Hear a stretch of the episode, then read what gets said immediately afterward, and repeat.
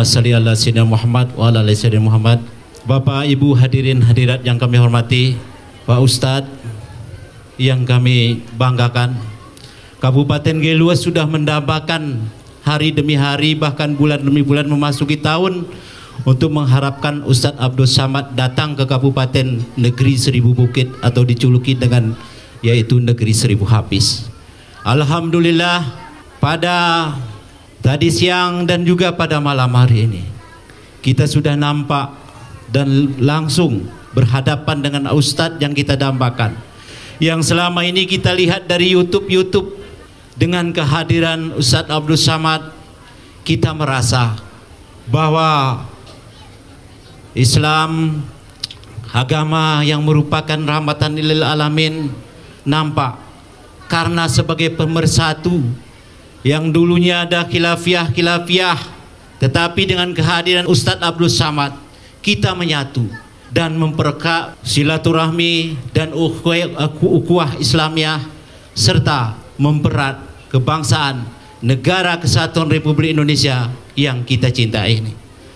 Maka dalam hal ini kami segenap masyarakat Kabupaten Geluas mendoakan Ustadz supaya selamat berdakwah dan diberikan Allah Subhanahu wa taala umur panjang sehingga Islam ini semakin nyata di permukaan bumi ini merupakan agama rahmatan lil alamin.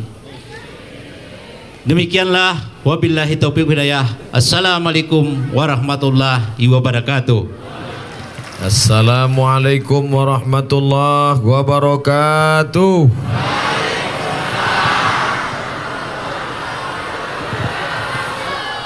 Bersyukur kepada Allah dengan mengucapkan Alhamdulillahi Rabbil Alamin Berselawat kepada Rasulullah Dengan ucapan Allahumma Salli ala Sayyidina Muhammad Wa ala ali Sayyidina Muhammad Apa kabar bapak-bapak ibu-ibu sehat?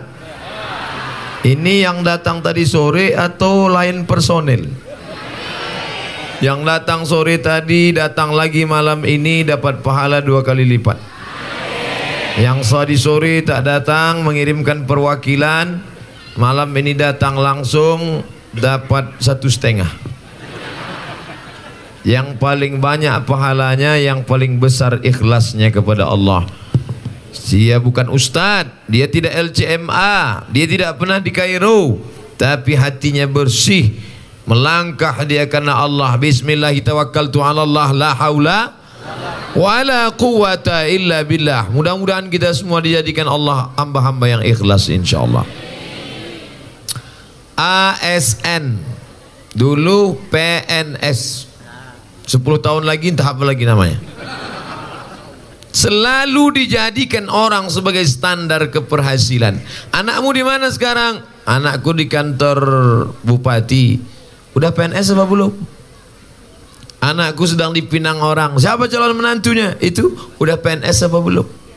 Selalu dijadikan kalau PNS berarti berha berhasil. Kalau tak PNS berarti tidak berhasil. Ini standar yang salah. Betul? Kenapa pula betul? Saya punya kawan PNS. Saya tahu dia lulus PNS. Waktu dia lulus saya ingin betul jadi PNS. Kemarin jumpa saya di airport, dia mengaku aku sudah keluar dari PNS. Kenapa? Aku tak bisa kawin dua.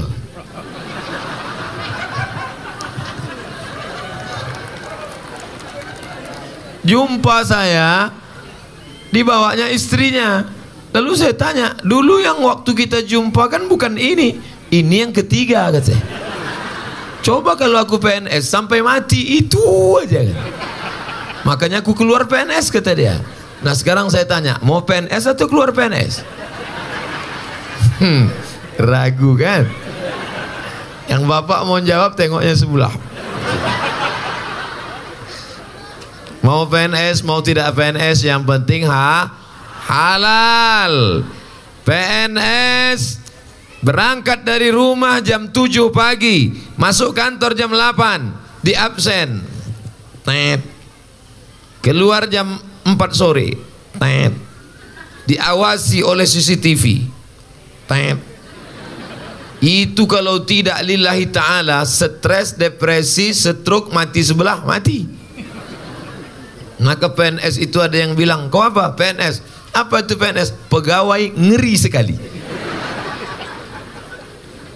oleh sebab itu maka PNS ini tingkat keikhlasannya harus tinggi. Karena waktu kita ini tidak banyak Bapak Ibu. Siang 12 malam 12 12 jam tambah 12 jam sama dengan 24 24 dibagi 3 sama dengan 8 8 jam kerja.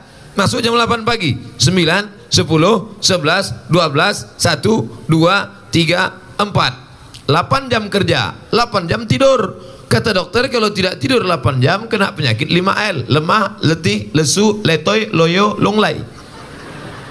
8 jam tidur 8 jam kerja. 8 tambah 8 16 tinggal 8 lagi. Ke mana pergi yang 8 jam? Pertama main gaple 2 jam. Real Madrid Barcelona 2 jam. Facebook, Twitter, BBM, WhatsApp, Instagram, Telegram, miligram, kilogram. Habis mana waktu yang akan kau bawa menghadap Allah subhanahu wa ta'ala? Malaikat tidak akan bertanya hei PNS kau mati golongan 3A apa 4B hei PNS pernah jadi kepala dinas kepala badan kepala kantor ada kepala tak ada kepala? Yang ditanya adalah apa yang pernah kau buat waktu hidup? Berapa banyak orang yang sehat kita hidup ini bukan karena kita sehat berapa banyak orang sehat mati. Turun dari rumah sakit bawa kertas, medical check up. Aku sehat. Otak sehat, jantung sehat, mata sehat, telinga sehat, buah pinggang sehat, semuanya sehat. Sehat. Tabrak mobil, mati. Berapa banyak pula orang yang diponis dokter mati. Ustadz, ini urat kaki mesti dipotong. Naikkan ke atas, namanya bypass. Macam jalan tol. Kalau tidak bypass, ini darah sudah tersumbat Bapak mesti bypass. Kalau tidak mau, dua Jumat lagi gol. Sudah berapa lama Bapak hidup? Udah dua tahun, tak mati-mati. Dokter yang memponis tuh udah mati duluan. Alladzi khalaqal mauta Allah yang menciptakan mati wal hayata Allah yang menciptakan hidup untuk apa Allah buat kita hidup sampai malam ini? Liyabluwakum ayyukum ahsanu amala. Untuk diuji siapa yang paling baik a amal. Masalah siapa yang duluan siapa yang belakangan tak penting. Ini malam ini acara ini melanggar peraturan. Kenapa? Yang mengaji tadi Tengku Abdul Qadir. Yang ceramah Abdul Somad menurut peraturan sesama Abdul dilarang saling mendahului Tapi karena sudah peraturannya dibuat oleh protokol, susunan yang pertama yang membaca Al-Quran. Boleh saya melawan? Di sebelah kanan saya Pak Bupati, di sebelah kiri saya Pak Wakil Bupati. Boleh saya komplain Pak Bupati? Kan saya diundang sini. Kenapa tak saya ceramah duluan? Ikuti aja apa kata protokol. Yang naik memberikan kata sambutan Bapak Wakil Bupati. Pak Bupati udah tadi sore. Pak Wakil Bupati.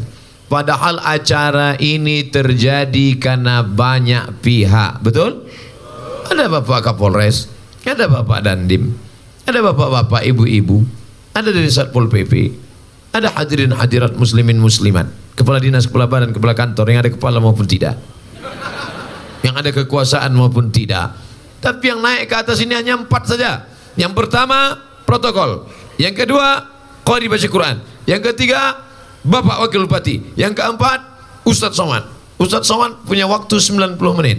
60 menit tausiah, 90 menit tanya jawab, habis itu baca doa, habis itu pulang. Ada makan bersama di rumah masing-masing. Saudaraku yang dimuliakan Allah Subhanahu wa taala. Biasanya kalau saya mau pengajian ada orang ngasih kertas. Biasanya kalau ngasih kertas itu pertanyaan. Kita baca dulu hamba Allah ada lokasi untuk sekolah tahfiz Quran 3 hektar. Tadi sore setengah hektar. Seumur-umur hidup saya ceramah dari pulang Maroko tahun 2008 sampai 2018 baru inilah satu pengajian ada orang wakaf tanah sampai dua kali.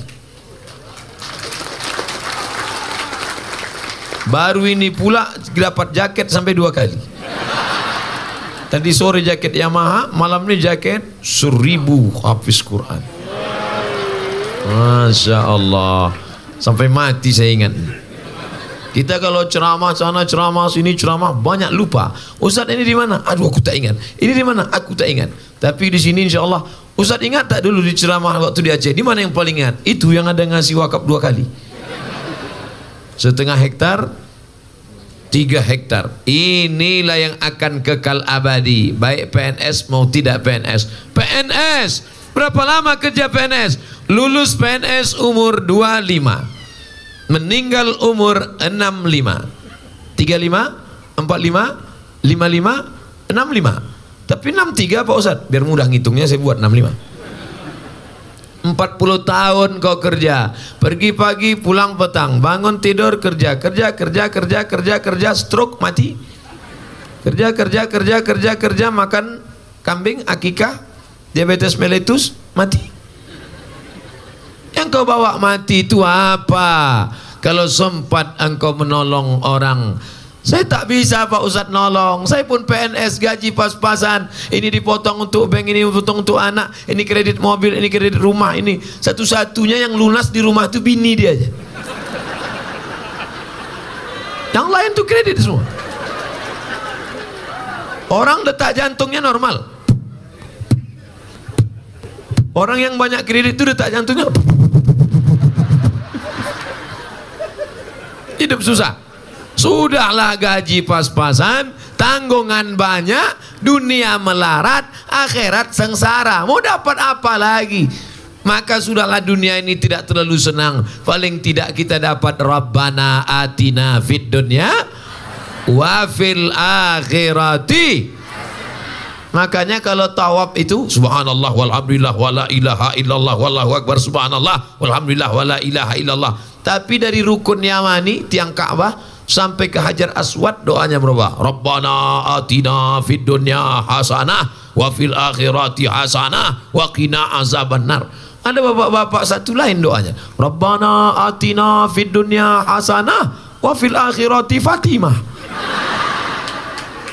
Eh, kenapa lain doa bapak? Rupanya bini pertama Hasanah. Yang kedua Fatimah. Kalau kau sebut Hasanah dua kali marah Fatimah. Itulah pentingnya kalau berdoa itu kita pa paham. Ngerti si doa. Apalagi nanti malam sholat tahajud ibu sama bapak. Bapak itu berdoa. Ibu, ibu jangan asik main amin amin aja. Amin. Amin. Nanti kejadian baru tahu. Bapak Ibu yang dimuliakan Allah Subhanahu wa taala.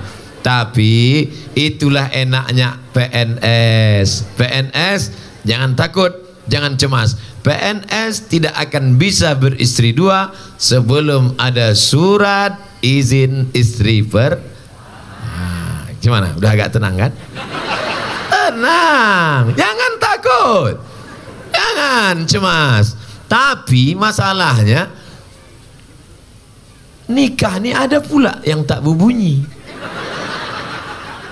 Namanya nikah si? Jangan mau nikah siri. Ingat? Perempuan jangan mau nikah siri. Kenapa? Nanti kalau suamimu tiba-tiba meninggal engkau tak bisa dapat harta warisan ketika kau menuntut mana warisan saya mana hitam di atas putih ini foto kami selfie tak laku Dua, setelah akad nikah, suamimu pergi. Engkau tak bisa menggugat ke pengadilan. Kalau nikahnya resmi, bisa. Kenapa? Karena selesai akad nikah, suami membaca sirot tak Ta'lik. Jika saya tinggalkan istri saya tiga bulan lamanya, tidak memberikan nafkah zahir dan batin, atau menyakiti fisiknya, atau berselingkuh, atau melarikan bini tetangga, atau tak balik-balik.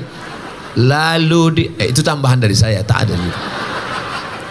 Lalu dia melapor ke pengadilan agama, maka hakim menjatuhkan talak satu, maka jatuhlah talak satu kepadanya. Ini banyak perempuan yang tak ingat ketika suaminya baca surat ta'lik. Ustaz, suami saya tidak ngasih nafkah saya sudah dua tahun.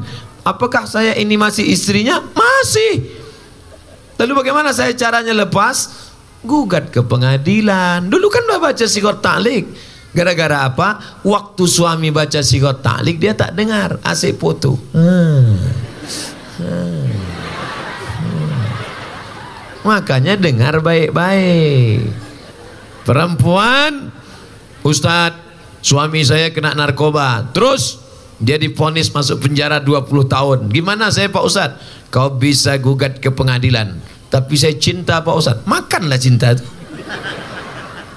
Bapak Ibu yang dimuliakan Allah Subhanahu wa taala, menjadi PNS itu mulia apa tak mulia? Mulia. Satu hari berapa orang yang diurusnya? Datang orang ngurus apa? Akte kelahiran. Datang orang ngurus apa? Surat keterangan sehat. Datang orang ngurus apa? Surat keterangan berkelaku baik. Datang orang ngurus apa? Surat mau mati. Datang orang surat apa? Ngurus surat tanah. Maka dalam hadis dikatakan, Man an mu'sirin Siapa yang melepaskan kesulitan orang di dunia Yassarallahu anhu yaumal qiyamah maka dia akan dimudahkan Allah urusan di akhirat. Mudahan PNS-PNS kita semuanya memudahkan urusan orang. Karena ada juga PNS ini kalau bisa dipersulit, ngapa dipermudah? Makanya Nabi Muhammad SAW stempelnya itu diletakkannya di kelingking. Stempel Nabi di kelingking. Kalau ada surat, ya Rasulullah ini ada surat. Ha. Ini ada surat. Nah, orang sekarang stempel diletakkan dalam kotak. Kotaknya dikunci. Dimasukkan dalam laci lacinya dikunci. Masukkan dalam lemari lemarinya dikunci. Masukkan dalam kamar kamarnya dikunci. Masukkan dalam rumah rumahnya dikunci. Kuncinya hilang. Makanya bapak-bapak buat stempel di cincin letakkan di kelingking. Kalau ada orang mau urusan ha. Jumpa di lampu merah pun bisa Pak ini ada urusan ha. Nah, tapi baca dulu. Yang tak baca asal ha, tangkap KPK. Oleh sebab itu maka ini penting. Kalau mau beramal soleh, jadilah PNS. Betul? Hmm, banyak yang tak setuju. Betul gitu. PNS menjadi pegawai abdi negara. Tapi kalau PNS yang berkhianat, minta ampunnya kepada 97 ribu orang. Uh, Ustaz dari mana itu? Jumlah penduduk Gayo luas. Gayo luas ini penduduknya 97 ribu. Kalau tak percaya, hitunglah sendiri. Siapa yang curang? Kantor masuk jam 8. Masuk dia 8.30. 30 menit makan duit haram. Minta izinnya ke 97 ribu penduduk Gayo luas. Carilah di akhirat nanti. Di padang mahsyar berkumpul. Sejak zaman Nabi Adam sampai Adam Smith. Adam Idris Nuhud Solih Ilyas Ilyasa sedang di padang di padang mahsyar berkumpul kita semua. Di mana mau mencari orang? Di padang panjang aja payah jumpa. Oh, di padang mahsyar 97 ribu orang pak yang akan kau minta maaf. Kenapa? APBD, uang belanja daerah, kabupaten itu milik 97 ribu orang. Memangnya bisa kau masuk surga karena solatmu? Solat, puasa, itu yang dikatakan Nabi. Ada nanti orang di akhirat masuk neraka. Jumpa Allah pada hari kiamat. Yati bi solatin. Solatnya banyak. Solat duha solat witir, solat tahajud, solat qobliyah, solat ba'diyah, solat isyraq, solat zuhur, solat asar, solat maghrib, solat jumat, idul fitri, idul adha, solat hajat. Banyak lagi. Solatnya banyak, puasanya banyak. Senin Kamis, Ayamul Bait, Ashura, Ramadan, Qadha. 6 hari bulan Syawal. Zakatnya banyak. Tapi ternyata menzolimi orang banyak. Insya Allah saya, saya banyak juga saya zolimi nih. Bayangkan orang sebanyak ini kalau sampai dia tersinggung. Tadi sore saya ceramah 70 menit. Malam ini 90 menit. Apakah Bapak Ibu tersinggung mendengar ceramah saya? Nah, selesai. Makanya kita selalu minta ma minta maaf. Assalamualaikum warahmatullah. Assalamualaikum warahmatullah. Sehat Pak TNI, sehat Pak Polri. Itu minta maaf itu. Insya Allah kalau sholat dia selalu minta maaf selesai. Jumpa saya. Assalamualaikum Pak Bupati. Assalamualaikum Pak Wabu. Assalamualaikum Pak Kadis. Assalamualaikum Pak Sekda. Assalamualaikum Pak Kapolres. Assalamualaikum Pak Dandim. Assalamualaikum Pak oh, banyak bapak-bapak. Ibu-ibu tak ada. Alhamdulillah selama di sini tak ada salaman sama ibu-ibu. Ah, tak ada satupun ibu-ibu ni yang mau salaman sama saya. Kenapa? Karena orang gayo luas, orang yang sudah mengaji haram menyentuh tangan perempuan yang tidak mahram. Selama di sini tak ada perempuan yang mengulurkan tangan. Di tempat lain, Ustaz. Dia tak apa-apa, kita yang berat. Paksa pakai jurus. Ha. Astagfirullah. Kenapa Ustaz tak mau salaman sama dia? Ya ayyut'ina ala ra'si ahadikum. Dicucukkan paku ke kepalamu lebih baik daripada menyentuh tangan perempuan yang tak mahram. Hmm. Patutlah kami tengok Ustaz itu asal ada nenek-nenek mau salaman. Asal ada anak gadis. Gitu. Itu terbalik. Kalau nenek-nenek baru kita pegang karena tidak membangkitkan syah syahwat. Kalau anak gadis jangan. Tapi sekarang ada pula jenis orang lewat anak gadis cantik cuek aja dia. Lewat anak gadis tak bernafsu dia. Lewat anak lajang baru bernafsu. LGBT bencong homo mudah-mudahan generasi kita diselamatkan dari penyakit ini insyaallah Bapak Ibu yang dimuliakan Allah, maka menjadi PNS kehormatan, menjadi PNS kebahagiaan, bisa menyenangkan 97 ribu orang, bisa membahagiakan 97 ribu orang, bisa menyenangkan hati 97 ribu orang, masuk surga kau secepat-cepatnya. Tapi kalau kau persulit, kau persusah, kau aniaya, di akhirat kau cari mereka minta maaf. Solatmu habis diambilnya. Ya yaumal qiyamati bi solatin. Ada orang yang datang menghadap Allah bawa pahala solat bawa pahala zakat bawa pahala haji bawa pahala infak bawa pahala sedekah. Solatnya diambil orang yang dia aniaya. Puasanya diambil orang yang dia zolimi zakatnya diambil orang yang dia sakiti. Amalnya sudah habis yang ngantri masih panjang. 15 kecamatan Gimana ini? Akhirnya dosa orang itu pula ditimpakan kepada dia. Lalu apa kata Nabi? Turi hafid nar. Masuk neraka jahanam. Inilah orang masuk neraka bukan karena berzina. Masuk neraka bukan karena khamar. Masuk neraka bukan karena syirik. Masuk neraka karena zo. Zolim. Aniaya. Saya sedang mengurus surat. Di kantor ini. Saya tidak pakai peci, tidak pakai baju koko pakai kemeja rambut biasalah rambut anak-anak muda. Saya ngantri berdiri. Mereka tak tahu saya ustad saya kalau tak pakai baju ustad disangka orang mahasiswa semester 7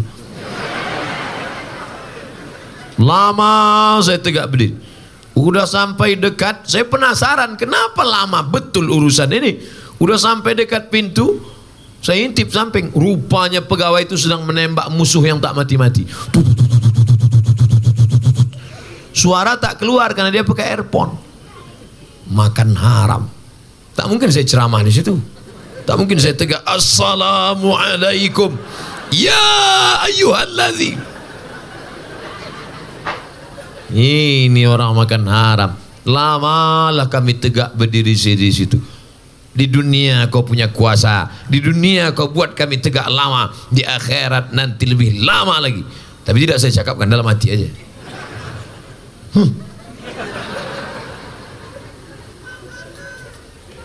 Razia Satpol PP di mall. Satpol PP razia pegawai. Kenapa? Karena ternyata pegawai pergi ke mana-mana. Padahal dia dari mulai pagi jam 8 sampai jam 4 sore 8 jam dibiayai negara. PNS itu batuknya jadi tanggung negara. negara. Anak pertama ditanggung negara. Anak kedua ditanggung negara. Anak ketiga ah, Tak jelas. Karena negara tak sanggup lagi. Menikah Bini dapat uang tunjangan. Dapat uang dapat uang tunjangan. Dulu namanya uang tunjangan aja. Sekarang ditambah lagi. Uang tunjang uang sifat uang sikut uang sundul. Ustadz Somad. Iya pak. Kami sedang sarapan pagi nih makan lontong. Ustadz Somad. Ya itu bapak itu pegawai itu iya pak. Pernah kami bawakan duit satu koper. Kami tahu anaknya sedang kuliah di luar negeri. Dia perlu duit banyak. Kami datang ke rumahnya. Pak ini duit satu koper. Untuk bapak. Tapi lakukan gini gini gini gini gini. Tidak. Aku tak ingin mengasih duit haram kepada anak-anakku begitulah PNS orangnya ada. Tak boleh sebut nama. Menjaga kode etik jurnalistik ternyata PNS yang istiqomah ini mudah-mudahan PNS PNS kita istiqomah insyaallah. Bapak Ibu yang dimuliakan Allah andai dia mau diambilnya duit satu koper Mumpung. Karena sekarang banyak orang ketika ditawari begitu orang yang ditawari tidak mau. Dulu disebut orang itu tak takwa.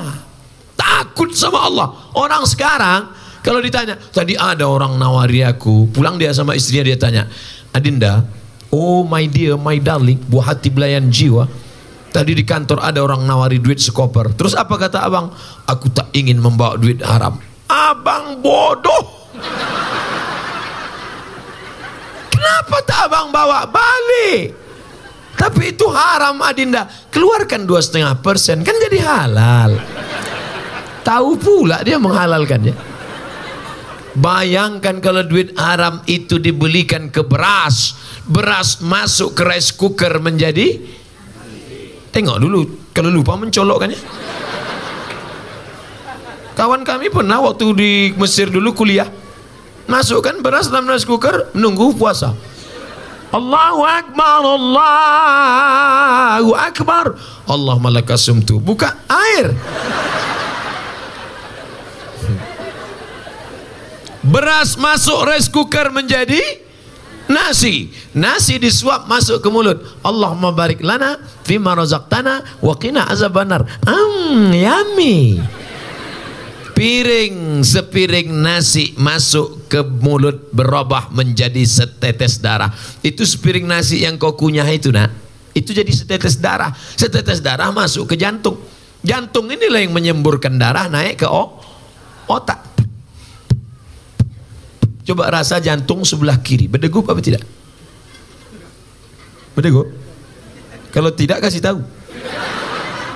Biar tahu kami mencarikan kain kapannya.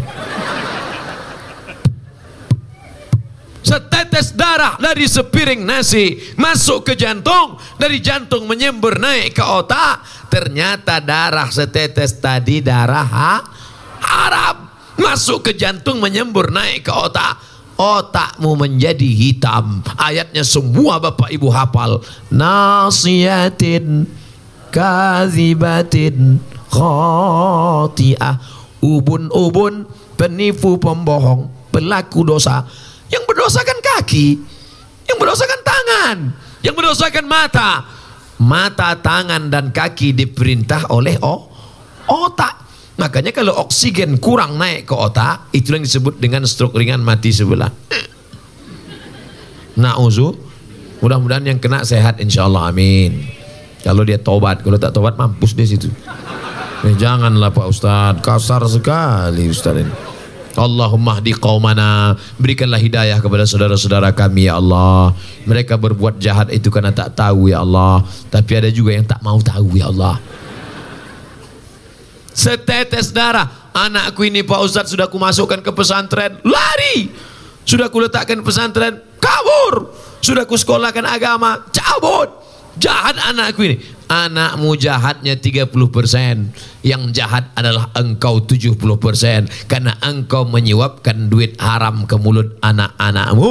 Lalu duit haram berubah menjadi darah hitam. Darah hitam masuk ke otak. Akhirnya Allah sayang.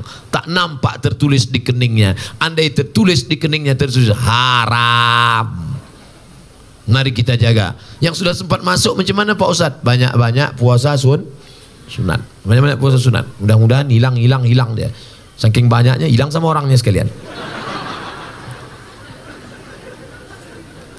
Ayyuma lahmin setiap daging di badan nabata min haramin kau makan sepiring lontong sayur. Janganlah lontong terus Pak Ustaz. Nasi uduk. Ya nasi uduk Pak Ustaz. Nasi lemak. Nasi rendang. Atau serahlah apa pun namanya. Ayam penyet, ayam patah, ayam pop, ayam sungsang, ayam mati. Sepiring semangkok sebungkus berubah menjadi setetes darah. Darah menjadi daging. Daging membalut tulang. Ayyuma lahmin setiap daging. Nabata min haramin tumbuh dari yang haram. Fannaru aulabi tempatnya neraka jahanam setetes darah masuk ke daging. Berubah menjadi daging. Membalut tulang belulang. Ditimbang di akhirat. Abdul Somad berat engkau 50 kilo yang halal 20 saja yang 30 haram. Panas neraka itu Pak Ustaz. Panas. Berapa derajat celcius Pak Ustaz? Diletakkan kerikilnya di tapak kaki mendidih otak di kepalamu. Berapa derajat tuh Pak Ustaz? Udah begitu jawabannya nanya derajat juga dia lagi. Meletup-letup celcius Fahrenheit. Diletakkan kerikil di tapak kaki mendidih otakmu di kepala. Makanya kita tiap hari berdoa Allah ma'ajirna minan nar Allah ma'ajirna minan nar Allah ma'ajirna minan nar Allah ma'ajirna minan nar Jangan kasih anak bini makan ha? haram. Anak berdoa di rumah, ya Allah, sehatkan ayah, ya Allah. Bini berdoa di rumah, sehatkan suamiku, panjangkan umurnya, sehatkan dia, ya Allah. Tapi doa mereka tak dikabulkan Allah. Kenapa tak dikabulkan Allah? Mata'amuhu haram. Makanannya ha? haram. Tak pernah dia makan haram Pak Ustaz. Yang dimakannya udang. Kenapa Ustaz tiba-tiba ingat udang? Tadi saya makan udang. Tapi bukan berarti udang itu haram. Yang dimakannya kepiting Pak Ustaz, halal. Yang dimakannya durian Pak Ustaz, halal. Kemarin saya ceramah, semuanya makanan yang menakutkan. Kepiting, kolesterol. Udang, kolesterol. Sotong, kolesterol. Yang paling hebat kolesterolnya telur puyuh. Itu yang saya makan tadi banyak-banyak. Habis itu dikasih pula saya makan durian kemarin dibakar. Malam ini mau dikasih juga, cuman habis ceramah. Takut Pak Bupati kalau dikasih sebelum ceramah berkunang-kunang mati. Siapa tanggung jawab? Ustadz Fadil. Ketua IKAT, Ikatan Alumni Timur Tengah. Nauzubillah. Uh, Ustadz nggak takut mati. Apa yang ditakutkan mati? Semua kita akan mah mati. Yang ditakutkan itu apa amal yang akan kita bawa, Mak? Nanti kalau kita mati yang mandikan siapa, Pak Ustaz? Apa yang kita pikirkan? Tak usah kita pikirkan, pasti ada yang memandikan kita. Yang jadi masalah, yang mandikan anak kita atau anak oh. Kalau anak kita yang mandikan, diambilnya air, tidak disiramnya kita macam menyiram sampah, tapi disiramnya ke tangannya, diambilnya air, disiramnya ke tangan takut dia air itu jatuh langsung ke kulit kulit kita merasakan sakit yang baru saja merasakan sakaratul. Ayah pelan-pelan. Coba kalau anak tidak sekolah agama tidak pesantren tak tahu dia cara mandikan. Jadi siapa yang mandikan ini? Saya. Kata orang yang dulu kau ejek-ejek karena dia miskin dan susah kebetulan ibu ini orangnya sombong. Wangku kalau berjalan hidungnya aja naik ke atas. Oh. Tangan tiga menunjukkan cincin baru. Padahal tiga-tiganya imitasi. Bu, di mana kantor bupati? Sana. Oh, begitu mati, anak tak ada sekolah agama, tak tahu memandikan orang tua. Apa kata orang kampung? Inilah saatnya hari pembalasan. Siapa yang mandikan? Kami. Anak-anaknya, keluarganya, tolong keluar kunci mereka pintu hmm, tahan kan hmm. Mana seperpel? Cucukkan mereka hidung. Hmm, ini yang sombong dulu kan. Hmm. hmm. Ya ambilnya burus WC itu. Cucuk-cucuk. Hmm. hmm. Baru kau tahu. Nakanya ibu memandikan anak ibu berapa kali? Mandi pagi sekali. Siang nanti mulutnya kena coklat hitam-hitam, mandi lagi. Sore main paret dia mandi lagi. Habis itu main-main berkeringat bau dia mandi lagi. Ibu mandikan anak satu hari lima kali. Setahun 360 kali lima. Lima kali tiga, 1500 kali ibu mandikan. Tiga tahun, 5000 kali ibu mandikan. Ibu hanya minta mandi se mandi jenazah. Itu pun dia tak tahu. Bapak Berapa kali mencarikan nafkah, melepuh kulit. Bapak minta solatkan sama dia cuma sekali. Solat jenah. Yang paling afdol jadi imam adalah anak. Mana anaknya? Anaknya, anak sembunyi di belakang. Mencret dia. Tak tahu. Dipaksa orang maju juga ke depan. Ditolak orang. Allahu Akbar. Allahu Akbar. Kenapa kau ruku solat jenazah tadi? Itu ayahmu kan mati sholat jenazah, kenapa kau ruku? Banyak kali dosa ayahku kata. Bapak Ibu yang dimuliakan Allah Subhanahu wa taala. Maka yang haram hiram haram haram haram kau makanlah yang haram itu sampai masanya nanti. Tapi kasihan sekali anak yang hijau-hijau ini lidah mereka bersih. Tiap pagi tiap petang berdoa. Allahumma hadina fi man hadait. Wa afina fi man afait. Tapi apalah arti doa? Apa kata Nabi? Mata'amuhu haram. Makanannya haram. Oh kalau gitu tak usah belikan makanan. Teh botol aja. Masrabuhu haram. Minuman haram. Oh kalau gitu tak jadilah beli minuman Pak Ustaz Beli baju jaket aja lah. Malbasuhu haram. Pakaiannya haram. Oh kalau gitu tak usahlah belikan pakaian. Kasihkan aja ke orang. Wa bil haram. Ada orang-orang yang kau suap makanan haram. Makanan haram. Makanan haram. Di antara yang menyebabkan makanan haram adalah riba. Beruntung menjadi orang Aceh. Kenapa? Karena bank pertama BPD, Bank Pembangunan Daerah yang berubah menjadi syariah adalah Bank Aceh Syariah. Allahu Akbar. Hai gubernur-gubernur. Mana ada gubernur di situ Pak Ustaz? Mana tahu dia nonton acara ini? Hai gubernur-gubernur, kalau kalian mau dapat amal jariah tak putus walaupun kalian sudah mati, maka robah bank daerah kalian menjadi bank syariah macam Bank Aceh dan Nusa Tenggara Barat. Hmm. Hai bupati-bupati wali kota, kalian pemegang saham setiap kabupaten, maka kalau kalian mau dapat amal yang tak putus, akhirnya selamatlah Mungkin di daerah yang lain tak bisa dia. Pak Ustadz, saya sebetulnya sudah lama mau beralih ke bank syariah. Tapi tak bisa. Karena di kampung kami tak ada bank syariah. Orang Aceh tidak ada alasan. Karena satu provinsi ada bank Aceh syariah. Beralihlah ke bank Aceh syariah. Kapan? Jangan malam ini. Kantor tutup. Besok. Besok buka kan? Besok hari Jum?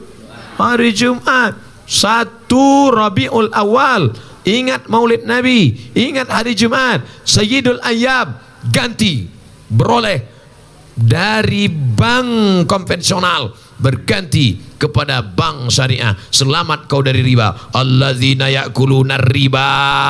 Orang yang makan riba la yakumuna illa kama yakumul ladzi yatakhabbathu syaitanu minal mas.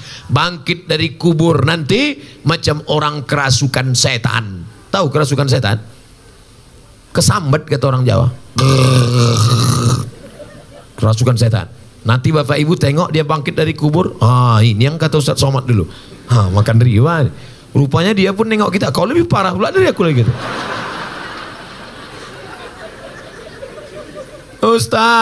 Kami tak tinggal di Aceh Ustadz. Kami di daerah luar Aceh. Kami tak punya bank syariah. Jadi duit kami paksa kami simpan di bank. Kenapa tak kau simpan di rumah? Takut Pak Ustaz. Kau takut pencuri? Enggak. Terus biniku.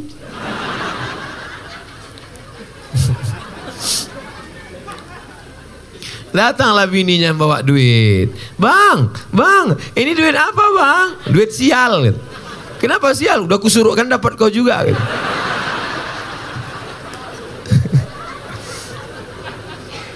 Jadi kalau menabung di bank konvensional dapat bunga, bunganya itu ke mana kami buat? Kami makan haram, kami campakkan haram, dimakan haram, dicampakkan haram. Jadi gimana? Serahkan ke lembaga yang dinikmati orang ba banyak. Tanahnya sudah ada tiga hektar. Tambah yang tadi tidak hektar setengah. Tentu perlu semen, batu bata. Untuk satu lokal itu biayanya 100 juta. Waktu saya difitnah bahwa Abdul Somad membawa tentara Hizbut Tahrir. Abdul Somad ini aliran sesat. Abdul Somad ini mau buat negara. Rupanya orang yang difitnah ini mengatakan gara-gara kami Ustaz tak jadi ceramah, ini 100 juta Pak Ustaz. Kata saya untuk apa saya lah duit banyak-banyak. Anak saya satu orang, bukan banyak. Hidup ini kalau banyak-banyak duit ini untuk apa? Jadi 100 juta ini kita buat untuk MDA. Berapa satu lokal? 100 juta. Pam. Satu lokal. Nah, buat. Nanti yang ada, ini sudah siap. Buat satu lokal. Bayangkan satu lokal mengaji anak-anak di situ baca Quran. Ah, besok Bapak pergi cari mana tanah wakaf ini. Berapa lokal perlu? Berapa semen? Berapa batu bata? Berapa kosen? Berapa tukang? Bapak mau bantu? Enggak, mau nanya aja. Tolonglah. Itulah yang menolong. Maka yang punya tabungan-tabungan banyak itu kalau dapat bunga, bunganya untuk kepentingan uh, umum. Umat punya juga. Saudara yang dimuliakan Allah. Tapi kami di Aceh ini Pak Ustadz, kami tidak menabung di bank konvensional. Bagaimana? Keluarkan za, zakat keluarkan zakat. Dua setengah persen. Bayarkan ke Basnas. Bapak yang punya duit 100 juta itu zakatnya dua setengah persen. Berapa itu? Memang kau cerita duit ini banyak yang lupa ya? Kalau 100 juta zakatnya 2 juta setengah. Ingat itu? Kalau 100 juta zakatnya 2 juta setengah. Insya Allah bapak-bapak ibu-ibu punya duit 100 juta. Banyak yang tak yakin Kenapa tak yakin? Insya Allah Bapak Ibu punya duit 100 juta. Amin. Keluarkan zakatnya dua setengah persen, dua juta setengah. Kalau tak kami keluarkan Pak Ustadz, saya tak tahu. Bukan saya dukun. Andai Bapak tak keluarkan, saya tidak tahu, saya tidak akan cek, saya tidak akan tanya. Tapi ingat, ada dia yang mau tahu. Siapa dia? La ta'khuzuhu sinatun wala. Saya bukan mau nakut-nakuti, tidak. Yang tidak berzakat, duit itu akan keluar dengan caranya sendiri. Ini kisah nyata nih Bapak Ibu, true story. Kawan saya petugas amil zakat. Datang ke rumah orang kaya. Assalamualaikum Pak Haji. Waalaikumsalam. Nampaknya Pak Haji ini kaya, rumahnya besar, mobilnya besar, bininya besar. Jadi maksud kami, Bapak mungkin susah mau menyalurkan zakat, kami bisa silakan bayar ke kantor kami atau biar di sini bisa juga. Apa kata dia? Kalian nampak saja saya kaya, utang saya masih banyak. Ini rumah saya ini 5 miliar. Ini mobil saya ini 2 miliar. Jadi Bapak tak bayar? Oh, tidak. Oke lagi gitu, gitu Pak Haji. Mereka balik. Tak sampai setahun, Bapak ini datang ke kantor. Eh, itu Pak Haji yang kemarin. Iya, iya, iya. Alhamdulillah sudah terbuka pintu hidayah. Silakan masuk Pak. Bapak mau bayar zakat? Enggak, ada enggak zakat untuk saya? Kisah nyata, true story.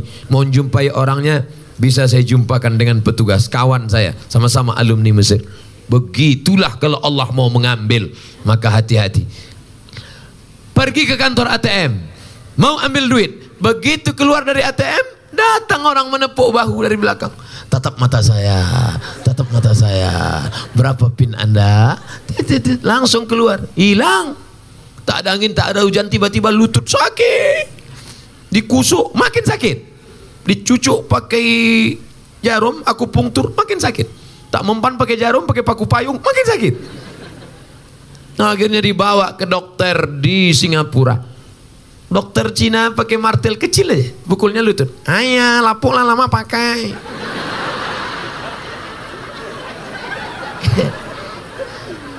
Jadi gimana dokter? Tenang, kita sudah import lutut dari Cina. Berapa harganya? Sebelah kiri 40 juta, sebelah kanan 40, ongkos pasang 20. Pas 100. Eh, itulah duit yang kau simpan tadi. Gimana? Udah ada terasa badannya udah? Saya bukan nakut-nakutin. Ingat, kau simpan dia di bawah bantal, kau simpan dia di bawah kasur, kau simpan dia di ATM sampai masanya hilang. Yang kekal abadi mana? Yang kau bangunkan ke musola kecil, yang kau bangunkan ke lokal MDA, yang kau bayarkan ke sekolah anak yatim. Anak yatim ini saya biayai sampai selesai S1. Press. Itu yang akan menolong di hadapan Allah Subhanahu wa taala. Mudah-mudahan anak-anak kita kaya-kaya sehingga bisa menyekolahkan anak yatim. Besok balik dari kantor pergi ke tempat panti asuhan. Assalamualaikum Pak Panti. Ya. Berapa anak yatim sini? Aku mau mengamalkan ceramah Ustaz Somad tadi malam. Mau kubayarkan semua. Berapa anak yatim sini? Ada 100 orang. Keluarkan, mau kubayarkan. Semuanya? Enggak, tiga orang aja. Kebetulan duit kita tak cukup kan? Bapak tiga orang, bapak tiga orang, bapak tiga orang, ibu tiga orang. Ada kita seratus orang. Seratus kali tiga menjadi tiga ratus. Kalau cuma beramal sebatang lidi tak bisa buat apa-apa. Tapi kalau satu lidi, satu lidi diikat, maka insya Allah. Makanya bayar zakatnya ke Basnas, Badan Amil Zakat Nasional. Saya pertama kali diundang di Aceh ini 2017. 2017 apa 2016? Waktu itu perolehan zakat kabupaten saya ceramah lah. Saya dari Riau. Ada satu kabupaten di tempat saya. Zakatnya 10 miliar. Selesai pengajian kami pun makan. Berapa tadi Ustaz Somad? 10. Di tempat kami ini 17 miliar katanya. Rupanya banyak pula dia lagi. Oleh sebab itu maka kalau Ustaz Somad yang ceramah, bayarlah zakat, bayarlah zakat, bayarlah zakat. Khutbah Jumat berapi-api. Siapa yang tak bayar zakat? Ya maahnya. Ustadz berapi-api, dia berair-air di bawah. Tapi ada orang yang tidak ceramah. Dia tidak pernah ceramah. Diam aja. Tapi orang takut sama dia. Kenapa? Karena dibuatnya perda zakat. Potong atas dua setengah persen. Siapa itu? Orang yang punya kekuasaan. Kira-kira kekuasaan itu penting apa tidak? Penting. Perda, peraturan daerah. Yang buat siapa? DPR. Assalamualaikum Ustaz Somad. Waalaikumsalam. Ustaz setuju enggak kalau saya jadi DPR? Mantap, mainkan. Apa nasihat Ustaz untuk saya? Kalau Bapak duduk nanti di sana, keluarkan tiga. Pertama, perda zakat. Potong atas PNS-PNS kabupaten. Dua, keluarkan perda berbusana muslimah. Jangan sampai anak gadis roknya pendek setengah tiang. Tiga, perda masukkan pendidikan agama ke sekolah umum SMP dan SMA lima pelajaran. Quran hadis fikih akidah akhlak bahasa Arab sejarah Islam. Gimana? Siap? Bukan bapak saya tanya.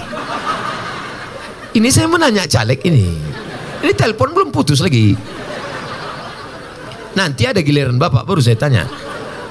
Kita ulang balik ya. Kita ulang balik kalau bapak nanti duduk di situ, perjuangkan tiga.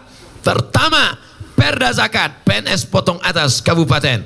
Kedua, perda berbusana muslimah. Jangan lagi anak gadis membuka jilbab bagi yang muslimah. Yang ketiga, masukkan lima pelajaran agama. Bapak siap? Oh, siap Pak Ustaz? Sudah lima tahun, tak ada dia nelpon saya lagi. Entah dia duduk, entah terduduk. Wallahu alam, tak tahu kita. Bapak Ibu yang dimuliakan Allah Subhanahu wa taala. Itu bagi yang mencalonkan. Adapun bagi yang memilih, siap memilih caleg-caleg yang menyolong agama Allah? Ah, itu baru untuk yang ini. Kalau kau sanggup, calonkan dirimu. Kalau kau tak sanggup, kau mencucuk aja. Tanggal 17 nanti, cucuk. Cus. Ibu-ibu tak usah pakai paku, ambil tusuk konde. Tusuk. Inna sama telinga dengar baik-baik. Ini orang ini siapa dia? Latar belakangnya apa? Peduli tidak dia pada agama? Wal basar pandang baik-baik, tengok mukanya. Ada tak tanda-tanda menipu mukanya? Dari mana kita tahu dia menipu? Tidak. Tengok balehonya, tengok mukanya. Kalau balehonya putih, mukanya hitam, pembohong itu. Jangan Jangan-jangan muka awak pula yang ditengok orang. Untung tertutup daun.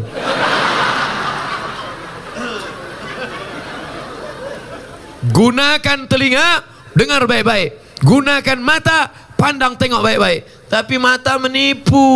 Betul? Mata menipu. Berapa kali kita tengok perempuan mukanya putih, tangan hitam.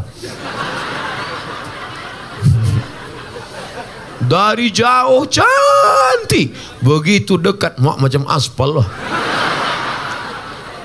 Rupanya bedak keli dua inci. nah, ada satu yang tak bisa ditipu saudaraku. Apa dia? Hati nur. Nur. Hati yang diterangi cahaya. Makanya doa solat tahajud. Allahumma ja'al fi qalbi nura wa fi sam'i nura wa fi basari nura. Jadikan di hatiku cahaya maka akan bercahaya. Kenapa ibu itu mengamuk? Oh mereka minta bapak duduk karena mereka terhalang di belakang. Hmm, orang tu mau menengok. Ah Ustaz Somad tu ada tak di alam nyata? Kami asyik menengok dia di YouTube aja. Pas ditengoknya eh jauh lebih muda ternyata Sebetulnya muda tak muda ini karena pengaruh baju ini juga. Selama ini pakai baju putih aja. Malam ini dikasih baju kuning. Lengkap dengan hijau, merah, lengkap semuanya. Masya Allah, tabarakallah. Ah, dah. Bapak Ibu yang dimuliakan Allah Subhanahu wa taala, maka menjadi kehormatan luar biasa. Bapak Ibu kalau menjadi PNS alhamdulillah.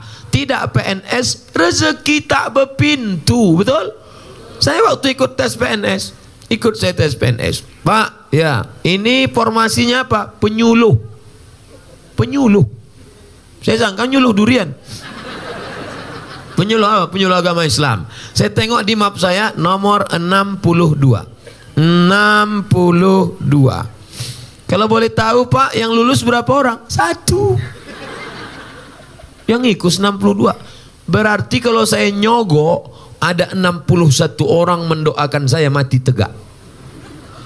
Ya Allah, rezeki kami diambil dia mati tegak lah dia. Eh, itulah banyak yang mati tegak. Mati. Jadi ikut Ustaz ikut tes PNS tak jadi. Pas hari tesnya sudah lengkap semua. Fotokopi KTP, kartu keluarga semua Pas hari tesnya, hari yang sama tes dosen. Pilih dua, penyuluh apa dosen? Penyuluh apa dosen? Penyuluh terang, dosen dua sen. Dosen. Tapi kita S2, tanggunglah penyuluh. Saya ikut tes dosen. Tes, tes, tes, tes, tes, tes, tes, tes, tes. Pas hari terakhir lulus tak lulus. Saya tanya emak saya, mak, aku mau tes ini katanya orang pakai backing, pakai duit cemana? Aku tak ingin punya anak jadi makan haram. Itu pentingnya peran ibu-ibu. Ibu nanti kalau ada anak mau nyogok panggil dia sini kau nak. Kau ku kandung 9 bulan 10 hari di sini tempatmu. Kususukan kau 2 tahun. Meregang nyawa aku melahirkanmu. Aku tak ingin melahirkan calon penghuni neraka jahanam. Nasihat ibu luar biasa. Nasihat ustaz mungkin tak masuk ke telinganya. Dulu kata orang-orang tua, masuk telinga kanan, keluar telinga kiri masih ada tersangkut di dalam sekarang enggak masuk dari kanan, keluar juga kanan. Mental. Maka nasihat saya tak masuk. Tapi nasihat ibu masuk ke kepalanya. Jangan kau menyogok nak. Jangan kau makan haram nak. Saya ingat betul nasihat emak saya. Apa kata dia? Kalau memang di situ rezeki kau nak, kau lulus. Kalau tapi tidak rezeki, rezeki tak berpintu. Mungkin di tempat lain rezeki kau. Tak akan ada mungkin makhluk di atas dunia ini yang tidak diberi Allah Ta'ala rezeki. Maka bekerjalah, bekerjalah, bekerjalah. Ikut saya tes, Alhamdulillah lulus. Jadi yang dari tadi saya ceramah PNS-PNS, mungkin ada dalam pikirannya, ini ustadznya nindir-nindir PNS, jangan-jangan karena dia tak lulus nih. Karena banyak juga orang berapi-api, apa itu PNS? Apa itu PNS? Kenapa Bapak marah betul sama PNS? Aku tak lulus kemarin. Saya lulus. Sampai sekarang saya PNS. Oleh sebab itu maka ini nikmat besar. Tapi bukan berarti yang tidak PNS rezeki tak berpintu. Banyak kawan-kawan saya, saudara-saudara saya. Pergi saya rumah makan, saya tengok rumah makan. Wah, mantap rumah makan. Makan saya dalam. Pas sedang makan, saya tengok kawan saya SMA dulu. Eh, ngapain dia di sini? Kok ngapain di sini? Dia senyum aja.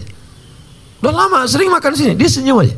Pas giliran bayar, gak usah bayar pak, itu yang punya. Eh rupanya punya kawan. Saya tengok mobilnya mewah, karyawannya lebih 10 orang. Mobil saya tanya, kau punya tuyul berapa? Gimana ceritanya kau punya bisnis gini? Mat, ketika dulu kalian kuliah, aku tak bisa kuliah, aku susah karena aku anak yatim susah.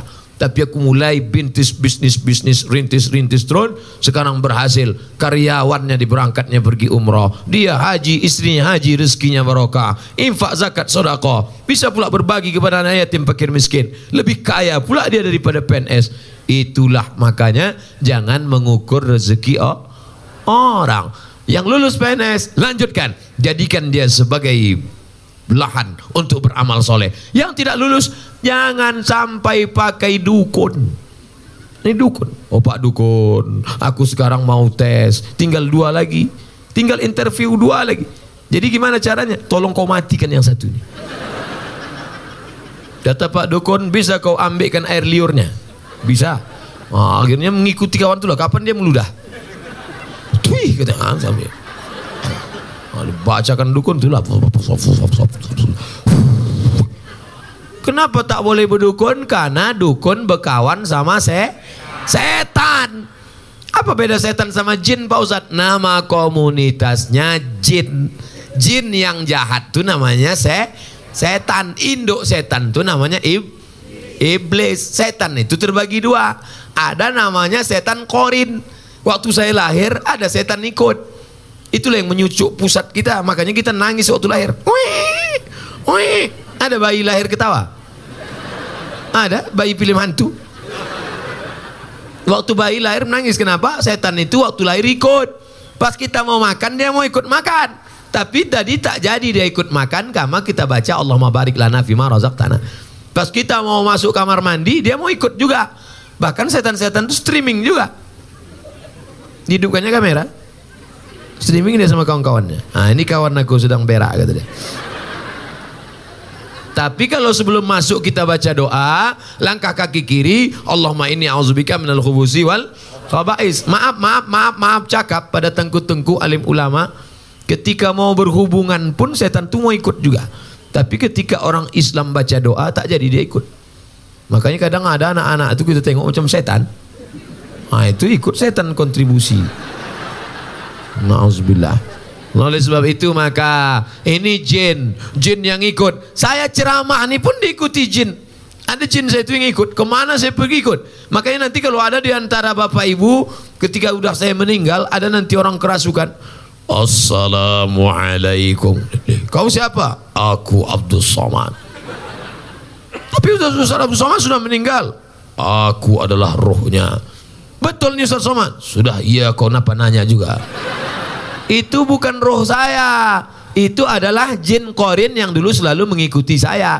Ketika saya mati dia tetap hidup. Maka kalau ada istilah panggil roh tak ada. Ini namanya jin korin jin korin ini ikut sama orang.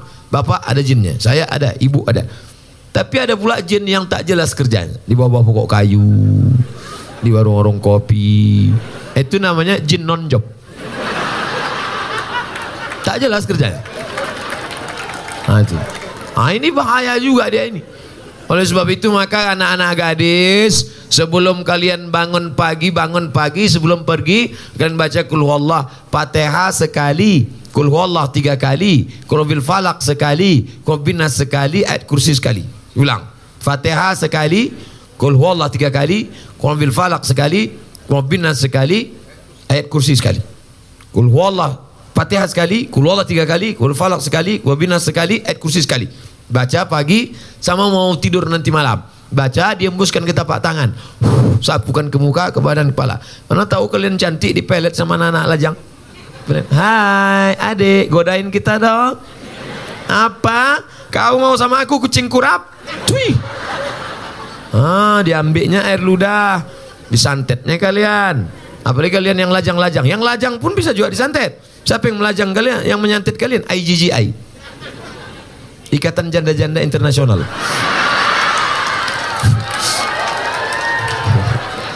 Tengoknya mak ganteng kali abang tu ah kata dia. Bang, mau tak nikah sama aku bang? Apa? Kau janda yang gadis saja ngeces. Kau pula mau ngejar aku? Ah, awas. Ah ini dukun-dukun ini. Ustaz ngomong dukun nggak takut Ustaz sama dukun. Apa saya takutkan? Begini banyak orang mendoakan saya. Tengku-tengku ulama-ulama mendoakan saya. Dukun-dukun, taubatlah kalian dukun. Mak, balik nanti pas malam tidur sendiri di kamar ngeri juga ini. Bapak Ibu yang dimuliakan Allah Subhanahu wa taala. Oleh sebab itu meminta iyyaka na'budu wa iyyaka nasta'in. Kalau tak lulus boleh jadi asa antakarahu syai'a. Boleh jadi kau benci, kau tak suka tapi sebenarnya ada hikmah di balik itu. Naik mobil dari Bandung. Sampai di tengah jalan macet. Maki-maki, sumpah serapa. Kenapa lo macet? Kenapa terlambat? Kenapa supir taksi ini bodoh kali? Kenapa gini? Sampai ke airport, apa kata? Close, mohon maaf pak, sudah terlambat. Tolonglah tiket saya angus, tidak bisa terlambat. Ya Allah, pesawat terbang meleleh air mata di menit yang ke-13. Hmm. Alhamdulillah. Apa pula Alhamdulillah pesawat meledak?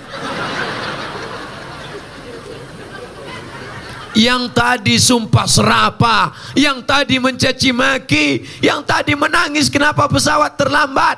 Ternyata ada hikmah. Coba kalau ikut tadi mati. Makanya kita ini tak tahu entah apa yang akan terjadi di masa akan datang. Yang penting kita usaha, tawakal, doa berdoa. Jangan berhenti berdoa.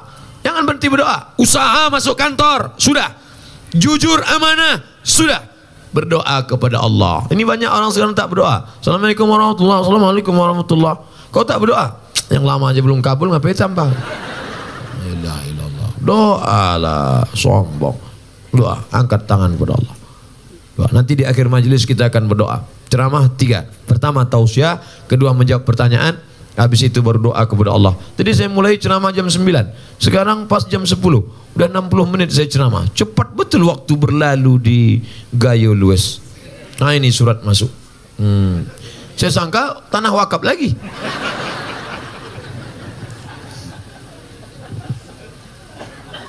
Pak Ustadz, semoga selalu diberikan kesehatan. Inilah yang membuat Ustadz Somad sehat. Tadi pertanyaan Ustadz Hanafi yang ketiga, apa yang membuat Ustadz sehat? Ustadz minum apa? Masih teh manis. Kenapa Ustadz sehat? Yang membuat sehat orang sebanyak ini berdoa. Ceramah di Gayo Luas tiga kali. Asar, Isya, Subuh. Macam makan obat. Bayangkan berapa jamaah yang berdoa. Ya Allah, sehatkan Ustadz Somad sampai pagi Jumat ya Allah. Setelah itu terserah kabupaten lain lah.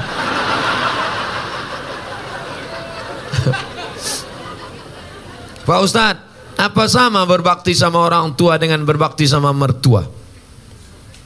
Kau jumpa istrimu itu umurnya berapa? 25 tahun.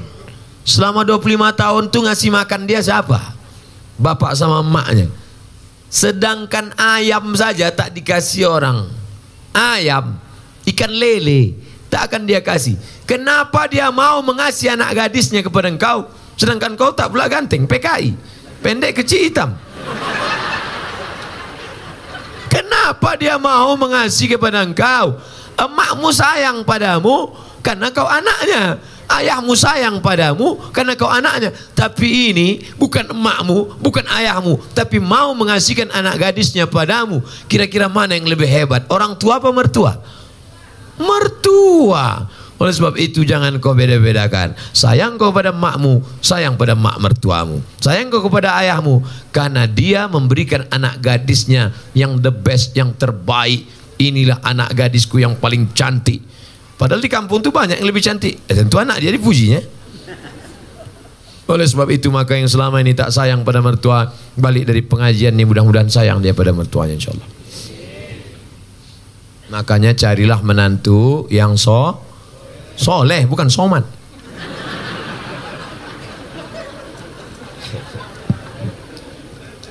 Ustadz, kalau pergi ke Mekah untuk haji tapi uangnya pinjam dari bank boleh apa tidak? Bank Syariah, Bank Aceh Syariah, boleh. Masa uh, pergi, masa ngutang ibadah Pak Ustaz? Boleh ngutang. Pak Haji pinjam duit 2 juta setengah aku mau kurban. Kurban bulan berapa? Bulan Zulhijjah. Nanti kelapaku panen bulan Muharram. Boleh. Ada yang akan membayarnya boleh. Yang tak boleh itu Pak Haji pinjam duit 2 juta setengah. Apa yang akan kau bayarkan? Kuserahkan pada Allah Subhanahu wa taala. Nah, itu tak boleh. Misalnya kau PNS, lalu pergi kau ke bank syariah. Lalu kata orang bank syariah ini akadnya murabahah, nanti dapat bantuan. Sebelum berangkat sudah lunas. Saya tidak tahu di Gayo Lues. Kalau di Pekanbaru Riau, store 2017 berangkat 2031. 2030 malaikat maut datang. Insya Allah mudah-mudahan kita bisa berangkat haji insya Allah. Ada satu kabupaten di Indonesia miskin susah, tapi jamaah hajinya terbanyak. Bupatinya cerita ke saya, Ustadz Somad, ini kabupaten miskin, tapi jamaah hajinya terbanyak. Loh kok bisa gitu Pak Bupati? Orang kampung kalau tanam padi, pas nanam itu mau pergi haji, mau pergi haji, mau pergi haji, mau pergi haji. Pas dia nanam karet, mau pergi haji, mau pergi haji. Disampaikan Allah niatnya. Yang kampung lain enggak, mau kawin lagi, mau kawin lagi. Sampai juga. Sampai juga. Insya Allah bisa dua-duanya insya Allah. Ustadz ini cerita kawin aja. Untuk memanas-manasi ada yang belum nikah. Bukan untuk saya. Saya untuk apa? Ada kawan kita belum nikah. Ustadz, di keluarga orang tua saya cuman saya yang muslim. Alhamdulillah. Mudah-mudahan saudaramu dapat hidayah insya Allah. Jika saya siap sholat langsung panjatkan doa untuk ibu saya. Sahabat tidak apa Ustaz? Nabi mendoakan non muslim. Apa doanya? Allahumma di qaumi fa innahum la ya'lamun. Berikan kaumku, adikku, kakakku, emakku, adikku hidayah supaya mereka bersyahadat asyhadu an la ilaha illallah wa asyhadu anna muhammadar rasulullah. Hukum seorang istri minta kepada suaminya imam solat tapi suami tak mau nah ini laki Fir'aun ini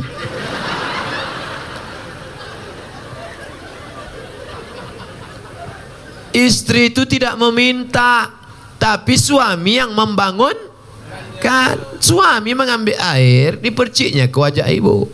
Bangun! Nah itu kalau anak udah tiga. Kalau waktu masih pengantin baru kemarin wake up my darling. Wake up my honey.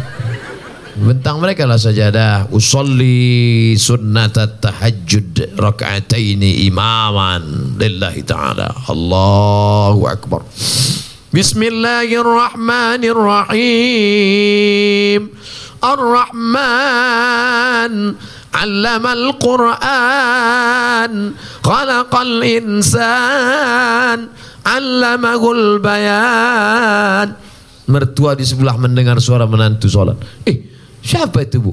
Menantu kita. Itulah, mereka baru nikah udah tahajud. Kita udah 30 tahun nikah tak ada tahajud.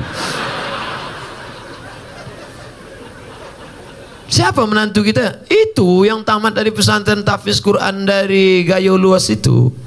Masya Allah. Amin ya Rabbal Alamin. Menantu akan datang. Menantu yang sekarang, hmm, buka pintu. Mudah-mudahan suami-suami yang belum sholat, mudah-mudahan selesai pengajian nih sholat dia. Ustadz Somad, dulu kusangka kalau nikah sama dia aku bahagia. Pas dia datang meminang, ayahku bertanya, kau PNS? Golongan tiga pak. Apa peganganmu? Itu kunci mobil. Punya kau? Punya abangku. Tapi tak lama lagi mau aku beli itu dah. Akhirnya aku sangka nikah sama dia bahagia Pak Ustadz. Ternyata sudah tua tahun, tiga tahun menikah tak ada kebahagiaan. Cuma rasanya macam tidur sama babi hutan. Walaupun hidup seribu tahun kalau tak sembahyang apa gunanya? Walaupun hidup seribu tahun kalau tak sembahyang. Ibu nanti kalau ngayun anak gitu sepohon kayu daunnya rimbun. Hmm, serta buahnya walaupun hidup seribu. Kata laki dua kau nyindir aku ya? Kan Rupanya laki tak sembahyang. Laki hantu. Makanya sebelum anak itu menikah dites dulu. Ustadz, anak saya ini dokter. Orangnya lembut, baik, jilbabnya panjang, sholat nggak tinggal. Saya takut menantu saya tak sholat. Gimana cara ngetesnya Pak Ustadz? Kata jamaah. Menantu ibu itu mana orangnya? Ini Pak Ustadz. Oh. Ajak dia jumpa di rumah makan jam 12 besok hari Jumat. Calon mantu, ya bisa kita jumpa jam 12 besok hari Jumat. Mohon maaf ibu calon mertua, siapa pun yang mengajak kalau hari Jumat aku mau sholat Jumat, terimalah dia. Tapi kalau kata dia, oke, okay, jangan terima. Tapi soal ini tak bisa dipakai lagi karena sudah bo bocor. Nanti ku kasih soal lain.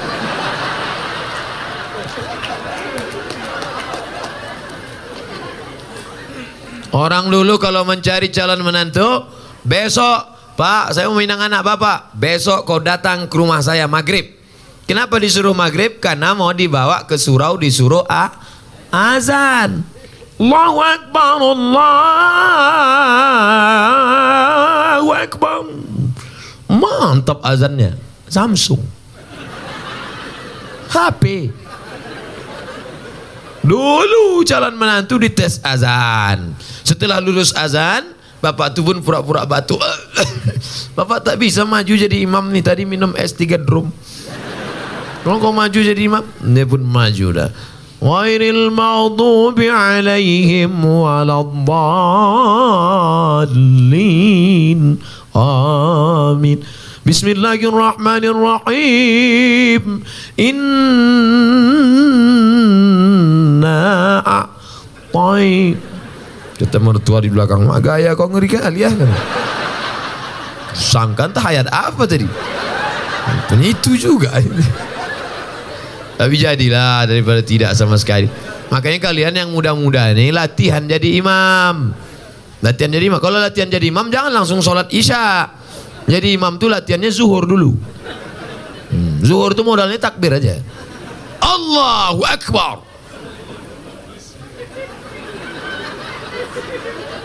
Allahu Akbar. Hmm. Tapi sami Allah ingat juga. Pula saking groginya Allahu Akbar.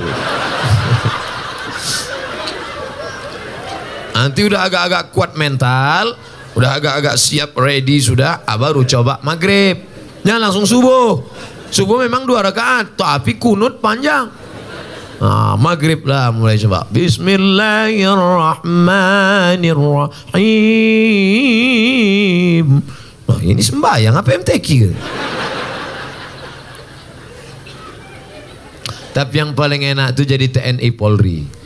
Kalau kita TNI Polri, calon mertua mana berani nanya kita kan? Datang kita, kau sembahyang apa tidak? Bukakan aja pistol tuh. Hah?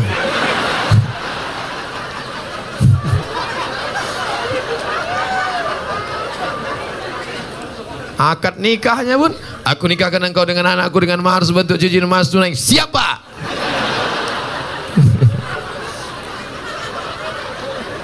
Ustadz Somad yang saya muliakan. Ini pertanyaannya bagi saya sangat besar maknanya. Seorang ibu hamil duluan, baru menikah. Bagaimana status anak tersebut? Perempuan yang hamil duluan, baik sebulan, dua bulan, tiga bulan, empat bulan, lima bulan, enam bulan, tujuh bulan, dinikahkan, nikahnya sah.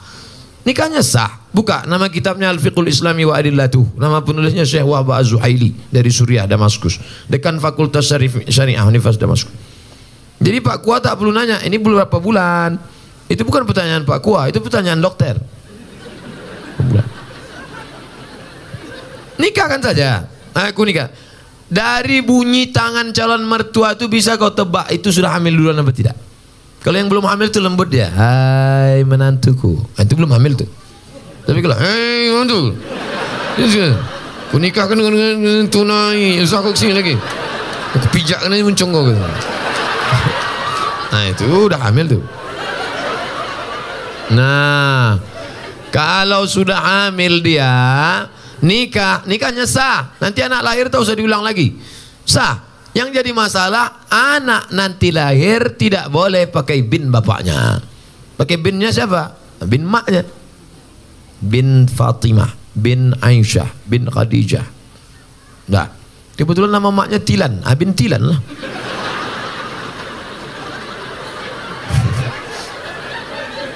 Dua, kebetulan anak ini lahir laki-laki. Anak yang dalam kandungan tadi lahir, anaknya laki-laki. Laki. Lahir adiknya sudah itu perempuan. Adiknya perempuan. Adiknya perempuan. Mati ayahnya. Ustaz janganlah kasar kali mati. Mati ayahnya. Adiknya jadi perempuan. Nanti kalau mau menikah, si abang tadi tak bisa jadi wali. Karena hubungan mereka saudara seibu. Saudara seibu tak bisa jadi wa wali. Tiga, bapak meninggal. Si ayah meninggal, si anak tak dapat harta warisan karena tak ada hubungan na nasab. Empat, kebetulan anak pertama tadi anak gadis, cantik. Dipinang anak lajang. Pas nikah nanti si bapak tak bisa jadi wali. Walinya wali hakim pakku, pak kua. Banyak sekarang yang ngotot, saya walinya. Oh tak bisa mas bro. Apa salah saya? Saya kan bapaknya. Tengok wajahnya kan mirip. Mirip tak bisa. DNA tak laku. Salah saya apa? Kau mencoblos sebelum hari H. Tak bisa. Maka jaga anak gadis ki kita. Makanya kalau datang anak lajang, besok hari Jum, Jumat, habis hari Jumat hari Sab, Sabtu, hari Sabtu malam, Ahad, malam Ahad anak lajang datang bawa motor, Pak, saya bawa anak gadisnya sebentar ya. Jangan. Ustaz Somad sudah ceramah. Aku tak ingin anak ini makan. Sekarang banyak orang tua lebih mau makan di daun daripada makan di pinggan. Sekali tidak, tidak. Jangan keluar. Melangkah kau dari rumah ini selangkah. Tak kuakui kau anak dunia akhirat. Masuk dalam. Sebentar aja pak. Tidak. Nanti kami belikan bapak mie ayam. Apa lah?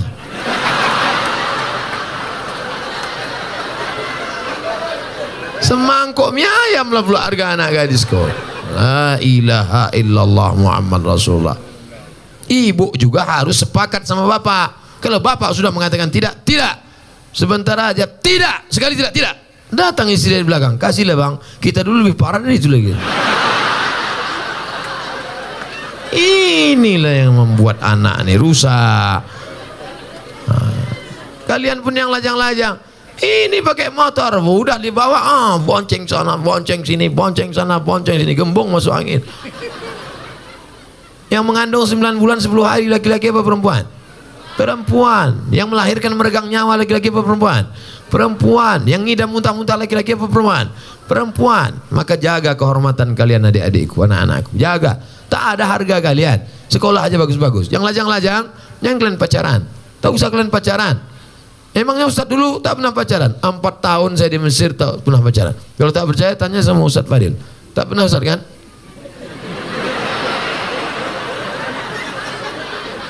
Demi Allah. Empat tahun saya di Mesir. 99, 2000, 2001, 2002. Tak pernah pacaran. Kenapa? Tak dapat. Persaingan ketat.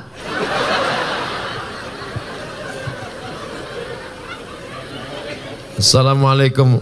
Tapi setelah pulang, selesai saya S1 Mesir, saya lanjutkan S2 Maroko, habis itu saya pulang, 19, 2008 eh, saya pulang, lulus PNS, mengajar, ustadz, coba tengok komen-komen, nih lajang-lajang yang ngasih pacaran-pacaran-pacaran, kalian serius saja belajar, sekolah, saya tak ganteng macam kalian, hitam, pesek, kurus, kering, hitam. Coba tengok komen-komen di FB, di Instagram. Ustadz, jadikan yang kedua ya. Gitu. Hmm. Tak usah kalian takut jodoh-jodoh itu. Apa kalian takut? Apa hukum sogok menyogok dalam Islam? Itulah yang sudah aku jelaskan tadi. Udah. Ar-Rashi wal Murtashi. La'ana Rasulullah. La'ana Rasulullah SAW Ar-Rashi wal Murtashi. Yang menyogok masuk neraka. Yang disogok masuk neraka. Duit sogok haram. Dikasih anak bini makan haram. Dimakan masuk darah hitam naik ke otak. Jantung kotor. Menjadi darah daging masuk neraka jahanam. Dibawa pergi haji Makkah. Labaik Allahumma labaik. Labaik ala syarika kala baik. Apa kata malaikat? La labaik wala sa'daik. Kau tak dapat haji mabrur karena kau pakai duit sogok. Patutlah balik haji tak ada perubahan. Heran aku tengok Pak Haji ni Pak Ustaz. Dulu sebelum berangkat haji bercelana pendek. Balik haji tak bercelana sama sekali. Tak ada perubahan. La ilaha illallah Muhammad Rasulullah. Kalau udah terlanjur gimana Pak Ustaz? Nah, keluarlah dari PNS. Ustaz ngomong aja enak. Nah, kalian tanya aku jawab. Ustaz, saya punya abang yang menyusahkan orang tua. Menyusahkannya berjudi, mencuri orang tua, menggadaikan kereta. Sebagai adik apa yang saya lakukan? Pulang dari sini, musyawarah engkau sama keluarga, Mungkin otak abangmu ini sudah rusak karena narkoba. Karena orang kalau sudah kena narkoba, jangankan sabu-sabu, putau, ropil rohipnol, mix mix kasbek vodka. Eh hafal juga Ustaz nih. Jangan-jangan pemakai juga ini dulu. Jangankan itu, lem kambing aja rusak. Anak-anak SMP, anak-anak SMP, anak SD kalau udah kena lem kambing rusak. Berapa banyak ibu-ibu masak pagi tak panas-panas nasi. Rupanya tabung gas sudah dijual anak untuk beli sabu-sabu. Otak itu sudah rusak. Ini saya yakin ini abang ini sudah rusak otaknya. Kenapa? Karena mau dia pula menyusahkan orang tua, berjudi, mencuri orang tua. Nah, jadi kalian kumpul bersama, cari asal muasal sebab musabah. Oh, dia kena narkoba. Orang kena narkoba jangan malu bawakan ke BNN, Badan Narkotika Nasional. Ustadz, Tolong doakan anak kami Pak Ustaz doa apa? Doa narkoba. Saya belum pernah dapat doa Allahumma ini na'udzubika min sabu-sabu. Tak ada. Maka serahkan ke BNN. Nomornya Pak Ustaz catat nomor. Nomor BNN. Saya selalu dibawa BNN ceramah. Hmm, catat ya. Jangan minta ceramah sama BNN. BNN rusak pula HP.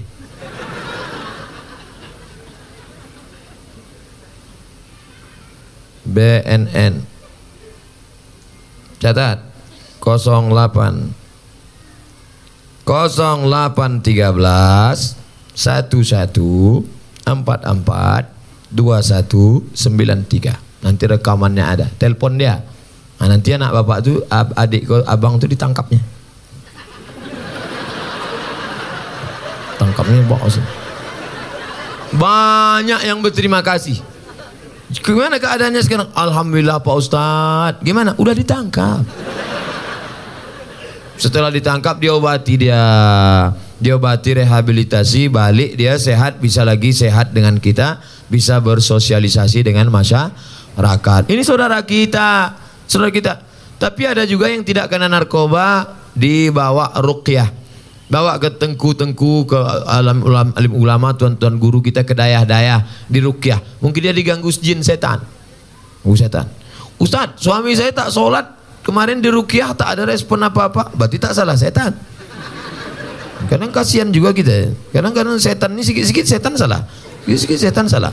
Laki tak sembahyang setan salah. Laki selingkuh setan salah. Kata setan aku tak ada goda dia aja gatal kan. Nanti keluar namanya KPS, Komisi Pelindungan Setan. Saking banyaknya setan disalah-salahkan. Ada bencong LGBT, waktu dibacakan rukyah, keluar jinnya. Habis itu sehat deh. Itu yang merukyah namanya Ustadz Saifullah. Ketua Arsi, Asosiasi Rukyah Syariah Indonesia. Ketuanya Ustadz Junaidi. Setiap provinsi ada di rukyah. Nah, jadi rupanya ada juga jin itu yang bencong. Masuk dia, begitu masuk melambai dia. Hai. Begitu keluar jin itu sehat. Nah, tapi saya tak bisa rukyah. Hmm, jadi rukyah ini ada ustad-ustadnya. Kadang kita ini ayatnya hafal. Pas kita baca jin itu tak mau keluar. Allahu la ilaha illa huwal hayyul qayyum la ta'khudhuhu sinatun wa la naum. Hai jin, keluar. Tak mau kata dia. Keluar. Tak mau. Keluar. Masa setan ngusir setan kata. Rupanya perbuatan kita 11 12 sama dia. Pak Ustadz, saya sering memikirkan sesuatu dan tak khusyuk sholat. Bagaimana tuh Pak Ustadz? Kata Syekh Ali Tontawi, menjaga khusyuk sholat itu syaratnya lima. Yang pertama, waktu wudhu jangan bercakap. Hidupkan air keran air, basuh tangan, hakikatnya keluar dosa dari tangan. Kumur-kumur, keluar dosa dari mulut. Basuh muka, keluar dosa dari kelopak mata. Basuh tangan, keluar dosa dari tangan. Basuh kepala, keluar dosa dari lubang telinga. Basuh kaki, keluar dosa dari kaki. Nah, gitu. Jadi jangan bercakap. Ini sekarang banyak orang sedang berwudhu bercakap. Nah, itulah, kan aku bilang kemudian jangan tanam. Ini sawitnya sekarang memang jatuh harganya. Gimana lah, aku bilang lah. Maka tanam karet aja, kau tak peduli juga kan? Nah, itulah sekarang. Nah, itu jadi bercampur sama dunia. Makanya waktu berwudhu itu jangan cerita dunia. Dah, habis berwudhu dari tempat wudhu ke tempat sholat tak boleh tasbih. Tasbih itu menjalin jari jemari, keretak, keretak, keretak. Tak boleh. Mereka jangan tasbih, tasbih, tak boleh tasbih. Tasbih tasbih subhanallah subhanallah gimana kabarnya anak Syanur yang katanya hamil subhanallah subhanallah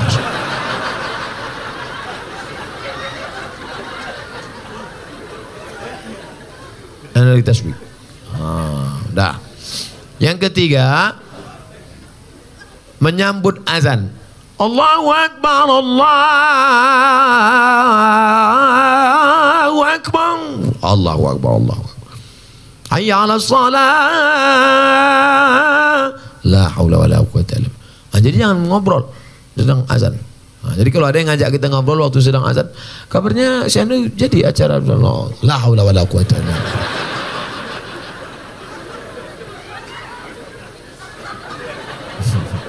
Yang keempat, Salat itu membaca, namanya qiraah bukan merenung, membaca.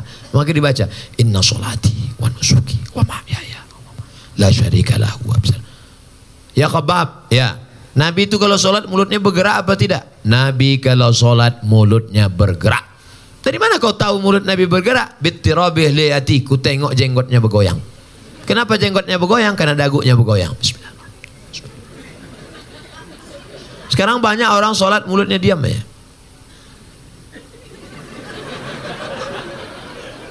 apa dipikirkan. Nah, jadi mulut. Nah yang terakhir yang kelima fahami bacaan connect antara mulut dengan kolbu. Hati. Allah salat zuhur. Allahu akbar. Allahu akbar kabir. Walhamdulillah katsir. Macam naik motor Salat ini macam naik motor, macam bawa mobil. Ah, udah agak-agak ngantuk kan. Belakang macam naik sepeda motor macam orang naik motor king. Agak konsen fokus. Salat bukan kehilangan kesadaran. Ada orang bilang aku kalau sudah sholat itu hilang kesadaranku. Berarti kau dilarikan jin. Karena sahabat-sahabat Nabi waktu sholat itu sahabat tidak hilang. Mana dalilnya? Ketika sahabat sedang sholat tiba-tiba Nabi datang. Waktu itu Nabi sakit imamnya Abu Bakar Datang Nabi waktu sahabat sedang sholat. Maka sahabat memukul tangan. Mukul tangan mau ngasih tahu Abu Bakar. Karena tak mungkin ngomong kan, mungkin Abu Bakar itu ada Nabi datang. Menunjukkan mereka sa sadar terbuka matanya. Sholat itu mata dibuka, bukan ditutup. Buka. Dari mana dalil sholat buka mata? Uktulul aswadaini fi sholah. Bunuhlah dua yang hitam waktu kau sedang sholat. Waktu sedang sholat bunuhlah dua yang hitam. Apa itu? Ular dan kala jengking. Macam mana kita tahu ada ular kala jengking kalau mata tertutup? Tutup. Tiba-tiba terdengar suara berbisik. Apa? Rupanya ular anaconda. Mata dibuka. Makanya kalau kita sedang sholat, misalnya habis motong karet, motong karet di hutan, sedang sholat. Di depan motong karet itu ada sumur tua. Oh, tiba-tiba datang entah dari mana datang datang orang buta mau masuk. Kau tengok, jangan tengok aja, tolong dia. Kau biarkan masuk, masuk, masuk. masuk. Kau tarik tangannya, tarik selamatkan dia. Maka sholatmu tidak batal selama tidak ngo ngomong. Jangan ngomong, jangan ngomong. Pak jangan lihat sini. Ya. Batal sholat. Sholat bukan kehilangan kesadaran. Siapa bilang sholat kehilangan kesadaran? Sholat sadar tidak hilang. Kita tetap sadar. Tapi connect dibacakan. At-tahiyatul mubarakatuh salawatut tayyibatu lillah. Assalamu alayka ayuhan nabiyyu wa rahmatullahi wa barakatuh. Wassalamu alayna wa ala ibadillah salihin. Ashhadu an la ilaha illallah. واشهد ان محمدا رسول الله اللهم صل على سيدنا محمد وعلى ال محمد كما صليت على إبراهيم sampai habis alamin innaka hamidum majid lanjut lagi. Allah maghfir lima qaddamtu wa ma akhartu wa ma asrartu wa ma alantu wa ma asraftu wa ma anta alam bi minni. Antal muqaddim wa antal muakhir la ilaha illa anta. Subhanaka inni kuntu minaz zalimin. Allahumma inni a'udzubika min adzabi jahannam min adzabil qabri wa min fitnatil mahya wal mamat wa min syarri fitnatil masiihid dajjal. Allahumma inni ala dzikrika wa syukrika wa husni ibadatik. Assalamualaikum warahmatullahi Allah memberikan kekhusyuan. Kita berusaha menyiapkan cawannya saya dari Miss XXX Bagaimana tanggung jawab seorang abang yang paling besar terhadap keluarga setelah bapak meninggal dunia? Tanggung jawab terhadap ibunya. Maka engkau menjadi wali bagi adik-adikmu. Tugas bapak mesti kau mengembannya Laki-laki kewajiban kalian kepada perempuan ada lima. Perempuan hak kalian pada laki-laki ada lima. Pertama kasih makan. Ibu udah makan? Yang kedua kasih pakaian. Nampaknya pakaian perempuan-perempuan di uh, gaya luas. Karena di tempat lain banyak perempuan yang tidak dikasih lakinya pakaian. Dikasihlah rok pendek ditarik ke atas terbuka bawah. Ada juga yang rok panjang resleting belum berpasang. Panjang roknya tapi tidak pasang masa lewat terbuka nampak. Saya tidak nengok tertampak. Kewajiban kalian pertama kasih makan. Kasih makan. Yang kedua kasih pakaian. Yang ketiga kasih tempat ting tinggal. Yang keempat kasih pendidikan. Kalian kasih didik adik-adik kalian. Mak tak usah lagi pendidik. Tapi mak juga bawa pengajian Mak jangan dididik. Kalian yang punya ayah sudah meninggal, tinggal mak jangan mak pula kalian didik. Balik dari sini, mak duduk sini mak. Assalamualaikum warahmatullahi wabarakatuh. Kan begitu. Bawa dia pengajian, mak. Ini ada pengajian ini, mak ikut nanti ya. Nah, aslinya kalian mendidik istri, tapi karena tak sanggup, bawa dia pengajian. Yang kelima, perhati Yan, perhatikan dia. Sekarang banyak perempuan yang kurang perhatian, akhirnya mencari perhatian. Kalau nampak perempuan pakai gelang kaki sampai dua biji, kalau berjalan kerincing, kerincing, kerincing, kerincing, nah, itu kurang perhatian. Ingin diperhatikan orang. Maka ini sampai macam punuh onta. Uh. Kalau sekedar ikat rambut tak apa-apa. Perempuan yang rambutnya agak panjang, diikatnya pakai karet gula keret minyak goreng. Yang diikat. Lalu agak apa sedikit tak apa-apa. Karena kalau tidak diikat nanti pas membuka muka disangka lakinya sundel bolong. Hmm. sekedar diikat tak apa tapi ada orang mencari perhatian sampai tinggi ke atas. Pernah kan ada nengok perempuan? Tinggi ke atas. Oh. dipakai pula tumit 15 cm dia yang makai kita yang takut jatuh. Pas pergi undang nengok. Nengok dia lewat. Ai ai tinggi itu meter segini tiga kali tuh jatuh nah, oleh sebab itu maka Ini banyak perempuan-perempuan yang kurang perhatian. Banyak pula perempuan ketika di rumah macam hantu. Di luar rumah macam artis. Ustaz tahu dari mana? Pernah saya datang ke rumahnya. Tak kenal saya. Loh, ini siapa? Rupanya topeng berbuka. Hmm, inilah alis mata dicukur. Oh. Habis gundul. Macam hutan lindung kena potong. Pak salah pakai spidol whiteboard. Oh. Sampai di tempat undangan gulai tadi pedas pula. Kipas mati. Oh keringat meleleh lah. Makanya kalau mau pakai spidol yakin kan itu permanen. Ini whiteboard meleleh lah. Panas yang ini. Iya. Iya. Nah, orang senyum awak senyum. Yang disenyumkan orang awak. Ah, balik ke rumah jam 9 malam listrik mati. Assalamualaikum bang. Abang buka pintu. Allahu la ilaha illallah. Malam Jumat pula. La ta'khudhuhu sanatu wa la nawm lahu ma fis samawati wa ma fil ardi man alladhi yashfa'u wa la ya'uduhu wa la ya'uduhu wa la ya'uduhu hifzuhuma wa huwal aliyyul azim. Kenapa hantu ni tak pergi? Bini abang.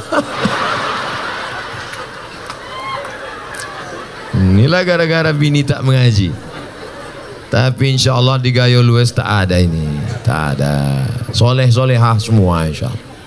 Kita tengok jilbabnya panjang. Jilbab panjang. Anak kecil aja bijak. Tengok anak kecil. Anakku berjilbab. Jilbab panjang. Anak kecil yang nampak cuma dua. Muka sama tapak tangan. Anak kecil berjilbab. Ini di tempat lain. Dipakailah celana sempit. Celana jeans. Oh. Ngonjerit paha. Tolong gitu. La ilaha illallah Dipakai pula uh, senam pagi di kantor. Banyaklah pegawai kantor tu error. Di dalam tubuh yang sehat terdapat otak yang cacat. Pagi-pagi instruktur senam. Teng teng teng teng teng teng. Teng teng teng teng. Badannya tak ada bergerak biji matanya nih apa tak error? Na'udzubillah. Mudah-mudahan terpelihara kita dari maksiat-maksiat insyaallah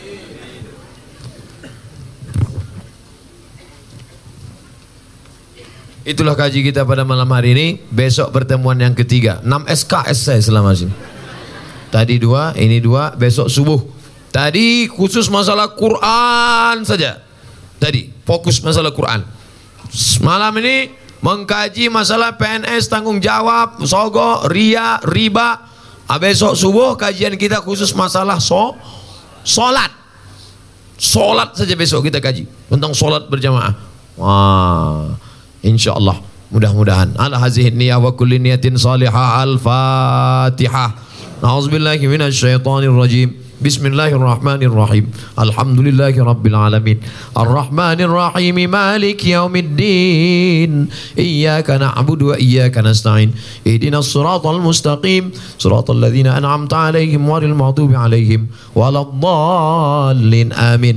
Allahumma balligh maqasidana Ya Allah sampaikan niat baik kami. Menjadikan gaya luas Menjadi program seribu anak-anak hafiz Quran Ya Allah Allah la sala illa ma ja'altahu sahla wa anta taj'alul hazana idza syi'ta sahla. Tidak ada kemudahan kecuali Engkau menjadikannya mudah. Maka mudahkan segala cita-cita kami itu supaya tercapai ya Allah. Allahumma ja'al abna'ana wa banatina min huffazil Qur'an wal hafizat. Jadikan anak-anak kami para penghafal Quran. Allahumma ja'al muwazzifina Jadikan para pegawai-pegawai ASN TNI Polri kami orang-orang yang istiqamah dalam iman dan Islam. Ya muqallibal qulub Wahai engkau yang membolak balikkan hati Sabit qulubana Kokohkan hati ASN Kokoh, Kokohkan hati para TNI Polri kami Untuk senantiasa menolong agamamu dalam iman dan Islam ya Allah. Allahumma inna tolong kami. Ala zikrika supaya hati kami ini selalu berzikir mengingatmu. Wa syukrika selalu bersyukur kepadamu. Wa husna ibadatik Selalu beribadah dengan ibadah yang baik padamu Allahumma ja'alil hayata ziyadatan lana fi kulli khair. Kalau kau takdirkan umur kami panjang besok pagi masih hidup, jadikan hidup itu sebagai amal soleh ya Allah. Waj'alil mauta rahatan lana min kulli syarr. Kalau kau takdirkan kami harus mati malam ini, biarlah kematian ini membuat kami berhenti dari dosa-dosa ya Allah. Allah marzuqna imaman adila. Berikan kami pemimpin-pemimpin, wakil-wakil rakyat yang soleh-soleh, yang baik-baik, yang memperjuangkan zakat, yang memperjuangkan busana muslimah, yang memperjuangkan perda syariah, yang memperjuangkan bank Aceh syariah, yang perjuangkan baik selamat kami dari riba ya Allah. Allahumma aslih syababal muslimin. Perbaiki anak-anak muda kaum muslimin. Wadfa'na al-ghala' wal waba' wal fahsya' wal riba wal zina bil khusus gaya luas. Selamatkan dari zina selamatkan dari narkoba selamatkan dari perbuatan keji dan mungkar. Allahumma khtim lana bi husnil khatimah wa la takhtim alaina bi su'il khatimah. Allahumma ja'al akhir kalamina. Inda intihai ajalina. Jadikan akhir kalam kami ketika ajal kami sampai yang terakhir keluar dari mulut kami. La ilaha illallah. Muhammadur Rasulullah sallallahu alaihi wasallam Allahumma rizukna ziyarata baitikal atiq. Berikan kami rezeki yang halal supaya kami bisa berhaji dan umrah. Rabbana atina fid dunya hasanah wa fil akhirati hasanah wa qina adzabannar. Wa sallallahu ala sayyidina wa maulana Muhammad wa ala alihi wa sahbihi wa sallam. Walhamdulillahi rabbil alamin. Taqabbal Allahu minkum minna wa minkum taqabbal ya karim. Terima kasih segala perhatian. Mohon maaf segala kekhilafan dan kesilapan. Pulang dengan tenang, jangan berdesak-desakan. Jaga ukhuwah Islamiyah, ambil sampah-sampah, bawa botol-botol, bersihkan segala macam yang menodai kantor kita. Terima kasih segala perhatian. Mohon maaf segala kesilapan dan kekhilafan. Jangan lupa besok kita subuh berjamaah.